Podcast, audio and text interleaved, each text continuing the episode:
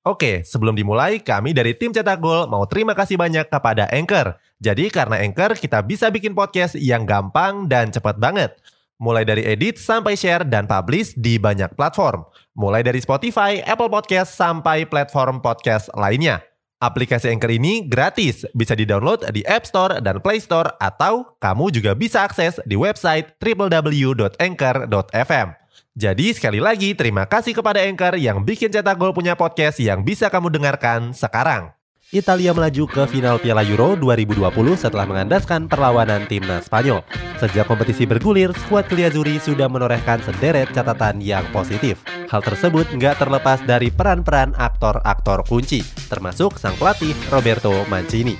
Cetak Gol akan merangkum orang-orang kunci di timnas Italia sebagai berikut.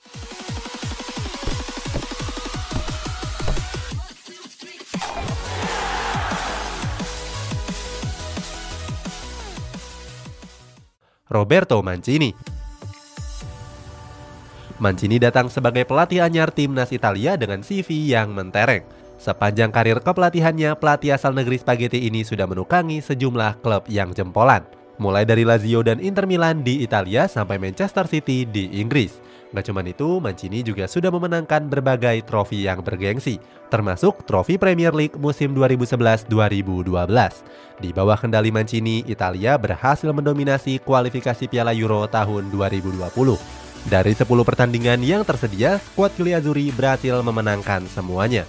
Di Piala Euro 2020 sendiri, Italia berhasil mencatatkan hasil yang meyakinkan – Sejak partai pembuka melawan Turki, Italia terus melaju dengan mulus tanpa hambatan. Dalam taktiknya, Mancini kerap menggunakan skema 4-3-3 menyerang. Formasi ini mengandalkan Ciro Immobile di lini depan yang diapit oleh Lorenzo Insigne dan Domenico Berardi. Di lini tengahnya, Mancini mempercayakan Jorginho sebagai pengatur tempo permainan. Kemudian ada Nicolo Barella sebagai pengangkut air dan Manuel Locatelli yang merangkap semuanya. Di lini pertahanan ada Giovanni Di Lorenzo yang apik menggantikan Alessandro Florenzi. Sementara Leonardo Spinazzola tampil mengesankan sebelum dipaksa menepi karena masalah cedera. Keduanya disokong oleh Giorgio Cellini dan Leonardo Bonucci yang bisa diandalkan di berbagai kondisi. Mereka berhasil membangun salah satu tembok yang paling kokoh di Eropa. Mancini juga mendapatkan apresiasi besar dari berbagai tokoh sepak bola. Salah satunya adalah pelatih kelas dunia yakni Marcelo Lippi. Dia menyebut kalau Mancini sudah mengembalikan kejayaan sepak bola Italia. Gianluigi Donnarumma Sebelumnya posisi penjaga gawang Italia didominasi oleh kiper legendaris Gianluigi Buffon. Mantan kiper Juventus ini bahkan sudah menguasainya selama lebih dari dua dekade. Dalam catatan panjang tersebut, Buffon sudah meraih caps 176 kali, sekaligus rekor caps terbanyak di timnas Italia. Selain itu, Buffon juga berjasa mengantar Gliazzurri menjuarai trofi Piala Dunia 2006. Beruntung Italia punya penjaga gawang yang handal yang siap mengawal gawang timnas Italia dalam waktu yang panjang. Penjaga gawang tersebut adalah Gianluigi Donnarumma. Donnarumma yang baru menginjak 22 tahun sudah dicap sebagai penjaga gawang kelas dunia. Dengan umur segitu bukan mustahil bagi Donnarumma untuk melampaui pencapaian Buffon. Terbaru, Donnarumma juga mencatatkan rekor sebagai pemain termuda yang tampil dalam 200 laga Serie A. Rekor ini sudah melampaui rekor Buffon yang sebelumnya. Di Piala Euro 2020 ini, Donnarumma melanjutkan penampilan yang luar biasanya. Dari enam pertandingan yang sudah dimainkan, Donnarumma berhasil catatkan 3 clean sheet. Hasil ini mensejajarkannya atau bahkan lebih baik dari kiper-kiper senior yang jelas lebih berpengalaman mulai dari Thibaut Courtois di Belgia sampai Unai Simon di Spanyol. Terbaru Donnarumma berhasil menyelamatkan Italia setelah menepis tendangan penalti dari Alvaro Morata. Aksi heroik ini meloloskan Azzurri ke partai final yang akan datang.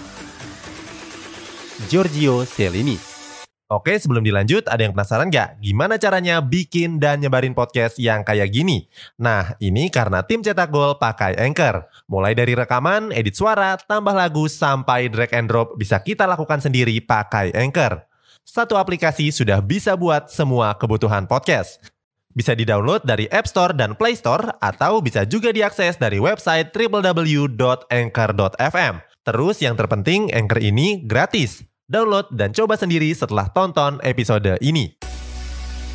Jerman memulai generasi barunya dengan menyisihkan pemain-pemain yang berumur tua. Hal ini berbanding terbalik dengan apa yang dilakukan Mancini di timnas Italia. Mancini memang mendatangkan pemain muda seperti Alessandro Bastoni yang menyita banyak perhatian. Akan tetapi Mancini juga mempertahankan tulang punggung Italia di era 2010-an. Salah satunya tentu saja adalah Giorgio Cellini. Walaupun sudah berumur 36 tahun tapi Cellini masih begitu solid. Apalagi Cellini sudah mengawal pertahanan Gli Azzurri selama kurang lebih 15 tahun. Pada partai semifinal melawan timnas Spanyol dini hari tadi, Cellini tampil apik dan ditandemkan bersama Leonardo Bonucci. Keduanya solid menjaga jantung pertahanan Gli Azzurri dan cuma bobol satu kali. Italia sendiri cukup beruntung karena cuma bobol satu kali. Alasannya, Spanyol berhasil mendominasi pertandingan dengan 71% penguasaan bola. Mereka bahkan mengirimkan sampai 16 tembakan. Salah satu momen terbaik Cellini terjadi saat pelemparan koin untuk memilih gawang adu penalti. Saat itu, Shelini seakan mengecoh kapten Spanyol yakni Jordi Alba. Dengan santai, Shelini mengajak Jordi Alba bercanda dan tertawa-tawa. Shelini bahkan melakukan kontak fisik seperti mendorong dan merangkul pemain Barcelona tersebut. Hasilnya Shelini memenangkan pelemparan koin dan menunjuk gawang yang dikelilingi pendukung Italia. Hal ini seakan menambah keyakinan skuad Gli Azzurri untuk memenangkan adu penalti atau bisa juga untuk membuat kondisi psikologis timnas Spanyol khawatir karena merasa Italia sudah sangat percaya diri di situasi yang menegangkan. Jorginho Timnas Italia generasi sebelumnya punya Andrea Pirlo sebagai pengatur tempo permainan. Berikutnya ada Daniel De Rossi yang mengalirkan bola di lini tengah. Keduanya dibantu oleh Gennaro Gattuso sebagai pemain kokoh yang mampu mengintimidasi pemain lawan. Trio ini memang sudah lama berakhir akan tetapi kemunculan Jorginho seakan mengobatinya. Jorginho menjadi bagian dari kesuksesan Chelsea yang berhasil menjuarai trofi Liga Champions musim ini. Dan sekarang Jorginho juga jadi salah satu pemain terpenting untuk Roberto Mancini.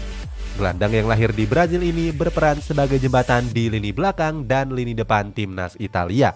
Jorginho selalu siap menjemput bola dan mengirimkannya ke tombak penyerangan. Bisa dibilang Jorginho merupakan pemain yang menyita perhatian paling sedikit di daftar ini. Akan tetapi dia berperan sebagai kunci agar permainan Italia tetap terasa hidup. Pada laga semifinal melawan Spanyol ini hari tadi, Jorginho juga tampil sebagai penentu kemenangan. Hal ini membuat namanya mendapatkan apresiasi yang besar. Jorginho yang maju sebagai eksekutor penalti terakhir berhasil menuntaskan tugasnya dengan sempurna Jorginho merilis tembakan dengan tenang dan sukses mengelabui Unai Simon. Banyak publik sepak bola yang berpendapat kalau Jorginho layak mendapatkan kandidat peraih Ballon d'Or seandainya dia mengantarkan Italia sebagai juara nantinya. Federico Chiesa Andrea Pirlo mendatangkan Federico Chiesa ke Juventus sebagai pemain pinjaman. Sepanjang Serie A di musim lalu, Chiesa tampil spektakuler dengan mencetak 7 gol dan 8 assist. Chiesa sendiri sudah meraih 27 caps bersama timnas Italia. Catatan ini mengungguli sang ayahnya yakni Enrico Chiesa yang meraih 5 caps lebih sedikit. Ketajaman Chiesa dalam menyerang jadi andalan Mancini di lini serang Gli Azzurri. Dipasangkan dengan Andrea Belotti atau Ciro Immobile, Chiesa tetap sama bagusnya. Chiesa mengawali Piala Euro 2020 ini dengan tampil selama 9 menit melawan Turki. Berikutnya, Chiesa membuktikan kualitasnya dengan mencetak satu gol pada laga 16 besar melawan Austria. Pemain Fiorentina ini kembali tampil memukau pada laga semifinal melawan Spanyol dini hari tadi. Tampil sebagai starter skuad Gliazzurri, Chiesa berhasil mencetak gol pada menit ke-60. Berawal dari serangan balik cepat, Lorenzo Insigne mengirimkan umpan terobosan ke arah Ciro Immobile. Umpan tersebut dipotong begitu saja oleh bek Spanyol yakni Aymeric Laporte. Bola liar hasil antisipasi lapor tersebut berhasil direbut oleh Kiesa yang langsung mengiringnya ke dalam kotak terlarang. Berikutnya Kiesa langsung melepaskan tembakan dan menjebol gawang Spanyol. Setelah pertandingan berakhir, Kiesa dinobatkan sebagai man of the match pertandingan tersebut. Penampilan apik membuat Kiesa yang sebelumnya cuma pelapis menjadi pemain kunci skuad asuhan Roberto Mancini. Itulah aktor-aktor hebat di balik kegemilangan timnas Italia di Piala Euro 2020 kali ini. Bagaimana pendapatmu? Apakah Gliazzurri bisa memenangkan trofi juara? Coba tulis di kolom komentar di bawah ini.